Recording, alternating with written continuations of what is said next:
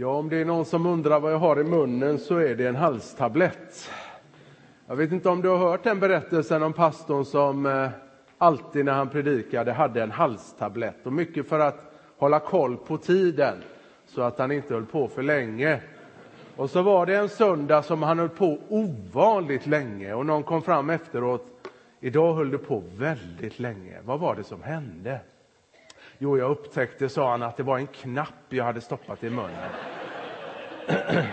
Men jag kan lova dig, det är ingen knapp, det är en halstablett och den är snart uppäten. Eh, ska ta med dig idag på en tidsresa. Vi ska gå mot Jerusalem 500 före Kristus och vi stannar kvar i denna stad men reser till 30 efter Kristus och den första påsken för att sen återvända tillbaka hit till våra dagar och blicka framåt mot kommande dagar. Där har du bakgrunden till dagens bibeltext som är hämtad ifrån Sakarja kapitel 9 och vi ska läsa den om en stund här. Får jag ställa en fråga? Har du någon gång letat efter något för att sen upptäcka att det du letade efter fanns mitt framför ögonen på dig. Ganska typiskt. Jag hör några som kommenterar och bekräftar det jag säger. Trots att Jesus vandrade mitt ibland judarna och gjorde stora ting förstod de inte att han var deras frälsare därför att de hade ögonen på någon helt annan, en helt annan kung. En kung som skulle krossa romarriket och befria judarna från ockupationen. En ödmjuk frälsare på ett åsneföl som skulle lida och dö i människornas ställe fanns inte med på kartan. Just därför missade de sin kung. Samma sak sker än idag. Många människor går miste om Jesus på grund av felaktiga förväntningar. De söker en frälsare likt anden i flaskan som låter minsta lilla önskning gå i uppfyllelse. Men så händer inte det och man blir besviken. Och så frestas de att tro att det inte var mycket med denne Jesus som de suttit sådana förväntningar till. Dagens bibeltext ifrån Sakarja 9 hjälper oss verkligen att förstå vem denne Jesus verkligen är. Den messianska profetian i Sakarja 9, vers 9 och 10 är en av de mest betydelsefulla profetiorna i hela Bibeln och ger oss flera skäl till varför vi bör uppskatta Jesus som vår kung. Just att Jesus är kung och ska komma tillbaka, för det är vad vi tror, och regera överallt. Det är en stor glädje för oss som tror. Nu bör det tilläggas att en konungs ankomst på Bibelns tid inte alltid var glada och goda nyheter. Sakarja kapitel 9, de åtta första verserna skildrar Alexander den stores ankomst som var beryktad för sin grymhet. Män dödades, kvinnor och barn såldes som slavar och nyheten om hans ankomst väckte inget annat än fruktan hos dem som stod i hans väg. Men ska vi vara ärliga, och det ska vi ju, så har vi också svårt för hur vi ska hantera nyheten om vår himmelske konungs ankomst. I en viss mening vill vi själva bestämma över våra liv. Vi kan förstå att myndigheter behöver kanske lägga sig i våra liv, men bara till en viss gräns. Det kan vi acceptera. Men om en kung göra, börjar göra anspråk på våra liv och hur det bör levas, Någon sådan kung tolererar vi inte. Ingen jublar över en sån kung. Och ändå är det en sådan kung. Han är vår Jesus. Han är skapelsens herre som vi läste eller hörde läsas ifrån Johannes vill ha en relation med dig och som vill sätta sin prägel på ditt och mitt liv. Om just detta handlar Sakarja bok. Gud söker på nytt gemenskap med sitt folk. Gud minns sina löften och har nu för avsikt att uppfylla dem. Läs Sakarja bok. Det är en uppmuntrande läsning. Och då särskilt om den store konungens ankomst. Låt oss läsa dagens bibeltext. Den kommer på väggen. Om vad Sakarja skriver om denne konung. Fröjda dig storligen, du Sions dotter. Höj jubelrop, du Jerusalems dotter. Se, din konung kommer till dig. Rättfärdig och segerrik är han. Han kommer ödmjuk, ridande på en åsna, på en åsninnans föl. Jag ska utrota vagnar ur Efraim och hästar ur Jerusalem. Stridens bågar skall utrotas och han ska tala frid till hedna folken. Hans herravälde ska nå från hav till hav och från floden in till jordens yttersta gränser. Meningen din konung kommer till dig kan också översättas din konung kommer för dig. För att du och jag ska kunna uppskatta konungens ankomst måste vi förstå varför han kommer och vad han har tänkt att göra. Först när du och jag inser hur hjälplösa vi är inför syndens makt kan nyheten om konungens ankomst uppskattas. Vem är då denne konung som kommer för din skull? Jo, han är en allrådande kung. Auktoritet var under antiken förknippat med kungar. Så är det inte idag. Kungens åsikter, alltså vår svenske kungs åsikter, må ha viss betydelse eller visst inflytande. Men hans ord är knappast lag. Jag vet inte om någon minns vad kungen sa 2015. Nej, jag kunde tänka mig det. Då sa nämligen kungen att alla badkar borde ligga på soptippen. Om kungens ord var lag, då skulle soptippen vara full med badkar. Men nu är den inte det. Liksom dåtidens kungar gjorde också Jesus anspråk på att ha auktoritet. Vi läser i evangelierna om att han hade auktoritet över skapelsen. Han näpste åt vinden och åt havet och sjön och den stillade sig. Han gör anspråk på att ha auktoritet över människor och över stunder och skeenden. Trots att de judiska ledarna avskydde honom står det i evangelierna att de kunde inte gripa honom eftersom hans stund ännu inte hade kommit. Sådan auktoritet hade Jesus.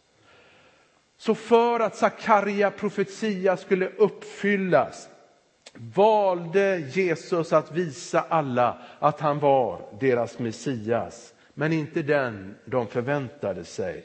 Stunden då Sakarja 9, vers 9 skulle uppfyllas var kommen. Och översteprästen hade beordrat att den som visste vad Jesus var skulle tala om detta så att han kunde gripas. Men istället för att hålla sig gömd iscensatte Jesus den modiga handlingen att rida in i Jerusalem på ett åsneföl, vilket senare ledde till hans död. Trots att Jesus visste vad som väntade så skildrar evangelierna att han hela tiden behöll kontrollen. så även sina sista dagar, som om han visste vad som skulle hända. Aldrig framstår Jesus som ett hjälplöst offer. Ingen tog hans liv, utan han gav det av egen fri vilja. Det framgår inte i texten om Jesus hade gjort upp innan om att få låna åsnan eller om han visste om på förhand vad som skulle hända.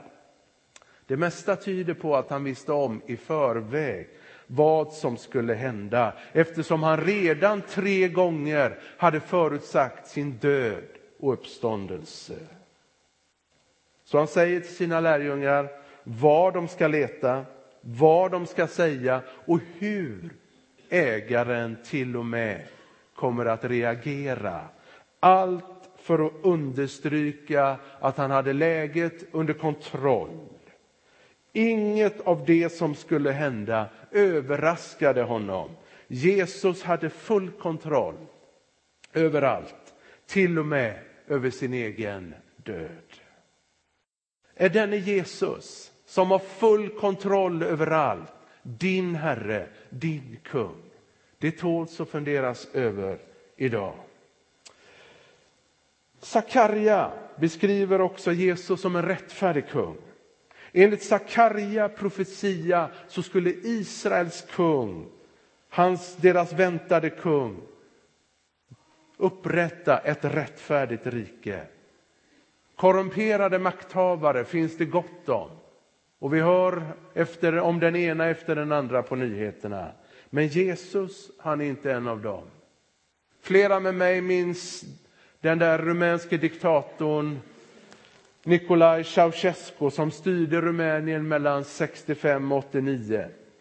1965 och 1989. Han bodde i ett lyxigt palats. Bara Pentagon, USAs militärhögkvarter, var större. Och kranarna på toaletterna var gjorda av guld. Allt medan folket led. En stor del av jordens fattigdom kan spåras till korrupta ledare som inte har mycket till övers för rättvisa. Men Jesus är inte en av dem. Han är det yttersta måttet på rättvisa. Han vill ditt bästa. Även om en del befallningar i Bibeln kan tyckas lite väl hårda och lite orättvisa ibland så finns det inte några orättvisa befallningar i Bibeln. Guds ord talar alltid om för oss vad som är rätt. Och när vi rättar oss därefter så ger det glädje i våra hjärtan. Jesus är en segerrik konung. Segerrik i texten kan betyda att vara klädd som en segrare och att bevisa att man är en segrare. Oavsett vilket så beskriver texten profetian om att Jesus kommer med frälsning åt sitt folk. Jag har redan varit inne på att Jesus, eller att judarna betecknade denna frälsning som politisk. I århundraden hade de varit förtryckta av riken som antingen ville utplåna dem eller göra dem till slavar. Judarna såg framför sig, längtade efter en kung som skulle komma och utplåna och besegra alla deras fiender och upprätta fredsriket. Och denna frälsning skulle också få konsekvenser på det personliga planet med syndernas förlåtelse som följd. Man kan säga att istället för Lukas 9 och 9 så la judarna tonvikten på, på Sakarja, Nu sa jag fel, istället för Sakarja 9 och 9 så la judarna tonvikten på Sakarja 9 och 10 och upprättandet av fredsriket. Men Nya testamentet är tydlig. Innan måste Messias lida och dö för att Guds krav på rättvisa ska bli mött och synder bli förlåtna. En helig Gud kan nämligen inte strunta i dina och mina synder. En sådan Gud skulle inte vara rättvis. Eftersom Gud är rättvis måste han ta itu med oss som vi förtjänar. Och eftersom syndens lön är döden förtjänar också vi och våra synder bestraffas därefter. Det är rättvist. Gud kan nämligen bara förlåta människor deras synder om någon är beredd att dö i deras ställe. Men var finner man ett sådant oskyldigt människoliv? Jo, i Jesus Kristus. Den enda fullkomliga människa som suttit sina fötter och vandrat omkring på den här jorden.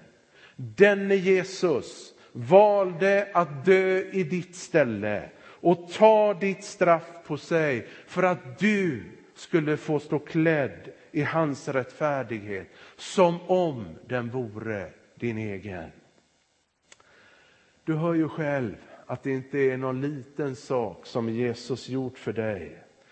Vet du att det finns två felaktiga föreställningar som kommer att hålla människor borta från himlen?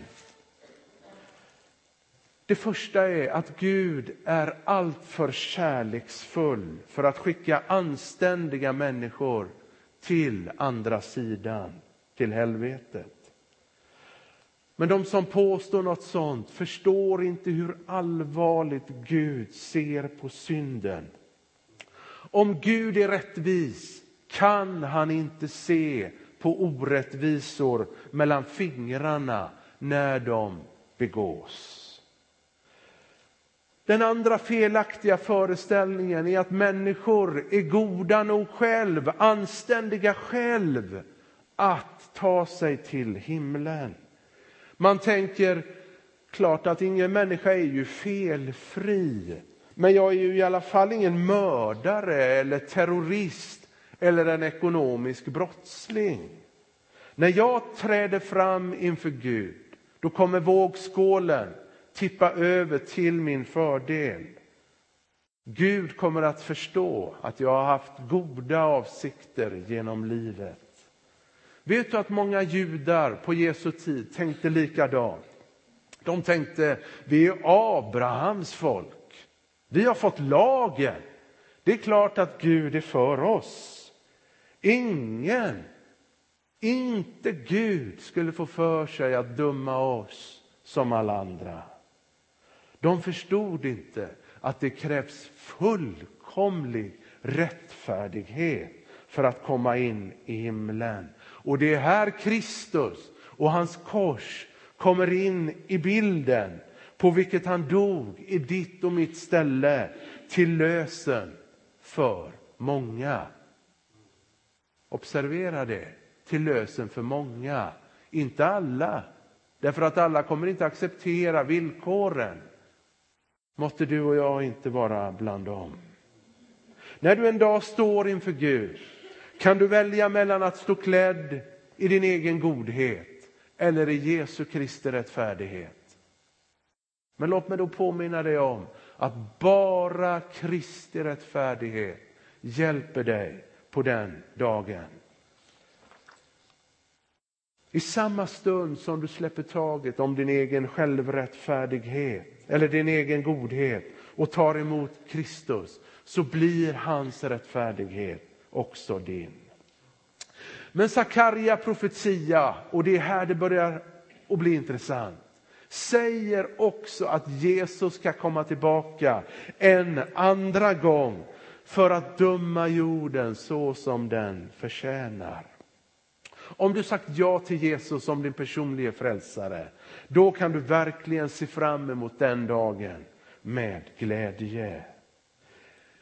Vi läser också i texten att Kristus, Jesus Kristus, kommer som en ödmjuk konung. Till skillnad från Alexander den store så skulle inte Jesus rida fram på en stridshäst utan en åsna.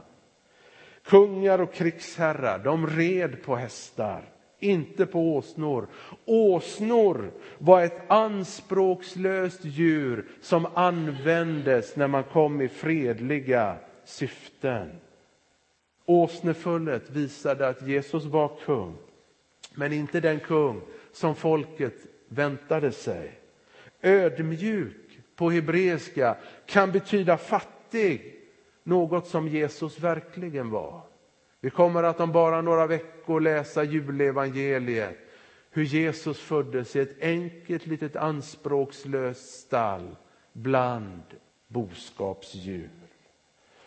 Men det kan också beskriva en rättfärdig människa som plågas av onda människor. Tack att Jesus var villig att lägga alla sina rättigheter åt sidan för att anta en tjänares gestalt, ödmjuka sig och vara lydig ända till döden, döden på ett kors. Jesus befallde oss att följa i hans spår. Efter att ha tvättat lärjungarnas fötter så sa han, jag har gett er ett exempel för att ni ska göra som jag har gjort mot er. Bibeln är full av varningar om att inte ha för höga tankar om sig själv, inte vara självupptagen och stolt. Inga bibeltexter uppmanar oss att blåsa upp vårt ego. Det finns bara ett sätt att motverka sådant och det är att efterlikna den Jesus som kom i en tjänares gestalt. Lägg på minne denna dag att du bara är en lerklump i skaparens hand. Så länge du är mjuk och formbar så kan Gud börja om när du misslyckas. Jag går mot avslutningen. Men låt mig också säga att Jesus Kristus är hela skapelsens konung. Jag vet inte mycket om hästar. Min dotter vet desto mer. Hon har modet att sätta sig upp på hästryggen. Jag har gjort det en gång. Och jag ska vara ärlig och erkänna att kärleken gör en blind. Jag var intresserad av eh, en tös som bodde på samma gata och hon frågade mig, vill du följa med och rida? Och vad säger man när kärleken är blind? Såklart. Jag satte mig på hästryggen och hon började galoppera och min häst började galoppera efter. Jag sa till henne, stanna. Jag såg nästan döden i vitögat, hon gjorde det. Men så pass mycket begriper jag att man inte sitter upp på ett åsneföl utan svårigheter. Bara universums skapare behärskar att sitta upp på ett vilt åsneföl. Det finns en målning från 1100-talet som heter Kristi intåg i Jerusalem. Och på den målningen så kan man se hur åsnorna böjer sina huvuden i vördnad för honom som sitter ovanpå. Denne Jesus är inte bara åsnans skapare utan också din och min skapare. Och också du och jag måste böja oss under honom. Någon har sagt att denna åsna var mycket smartare än vad många människor är. Åsnan tog emot Jesus på sin rygg utan att stöta bort honom. Tyvärr är det vad många människor gör idag. Men idag kan du börja odla samma åsnementalitet. Du kan likt åsnefölet bli en Kristusbärare. Vilket hedersuppdrag, eller hur? Visst är det ett hedersuppdrag. Har du tänkt på vad fantastiskt det är att Sakarja förutsåg vad som skulle hända redan 500 före Kristus och med en sån exakthet. Det är fascinerande. Har du då också tänkt på att om flera utav Gamla testamentets profetior gick i uppfyllelse då på Jesu tid med sån exakthet har du då tänkt på att det finns också skäl att tro på att också de som talar om kommande tider också ska gå i uppfyllelse? En vacker dag ska Jesus komma tillbaka och han ska sätta sina fötter på den här jorden igen för att upprätta sitt rike för alltid. Att tala frid, som texten säger, det är mer än bara ord som vi säger i kyrkan. Eller som någon sa, hej. Och så rättade hon sig och sa, nej men frid. Och så sa jag, nej jag förstår det språket också. Jag är uppvuxen i Missionskyrkan. Ja, nu bjuder jag på mig själv. Men att tala frid, det är mer än bara ord. I samma stund som Jesus sätter sina fötter på den här jorden ska han åstadkomma omedelbar frid på jorden. Den gången ska han inte komma på ett åsneföl. Den gången ska han komma på en stridshäst och förgöra sina fiender en gång för alla. Där har du Uppenbarelseboken 19. Hur ska vi då reagera på detta? Med glädje förstås. Om Jesus är din kung, då kan du lyfta på huvudet, sträcka på dig, sprudla av glädje. Din befrielse närmar sig. Men hur, frågar kanske du, hur kan jag jubla när världen utanför ser ut som den gör? Och kanske också mitt eget liv. Hur är det möjligt? Att jag ska få jubla när Jesus kommer tillbaka, det kan jag förstå. Men nu, nu. Svaret är detsamma, nu som då. Vi glädjer oss i tron över den konung som ska komma tillbaka. Tänk att det dröjde nästan 400 år innan Jesus kom och red in i Jerusalem på en åsna. Och ändå valde ingen att tro på honom knappt. Nu har det gått mer än 2000 år sedan dess. Människor kommer att fortsätta säga till oss som de sa under aposteln Petrus dagar. Hur blir det med löftet om hans ankomst? Men om Gud står för det som är rätt, sant och rent finns det goda skäl att också tro att hans ord är sant och likaså luftet om hans andra tillkommelse. Det ligger knappast för Gud att ljuga. Jag har flera bibelställen som understryker det påståendet. Vi lever här i tro, i väntan på Jesu återkomst och den kommer, tro mig. Jesus Kristus är vårt saliga framtidshopp även i livets svåraste stunder. Får jag fråga, hur står det till med din glädje i Kristus? Vet du om att kristendomen är glädjens religion? Kristus kom för att rädda dig från dina synder, betala din skuld. Detta om något är väl sann, äkta glädje. Guds barn är glada barn. Hans glädje består i att han har fått sina synder förlåtna, sin själ rättfärdiggjord. Hans död är inte slutet. Hans hemland är himlen. Amen. En människa som har en sådan Gud, en sån frälsare, äger ett sådant hopp borde vara en glad människa, inte sant? Uppfylls du av denna glädje? Den kan bli din idag. Får jag säga så här. Aposteln Petrus han skriver, och det här är lite av inbjudan idag. Kasta alla dina bördor på Herren. Vet du att det ordet för kasta förekommer två gånger i Nya testamentet. Den ena gången är hos Petrus. Och vet du vad den andra gången är? Det är hos Lukas, när det står att man lade sina mantlar på åsnefölet.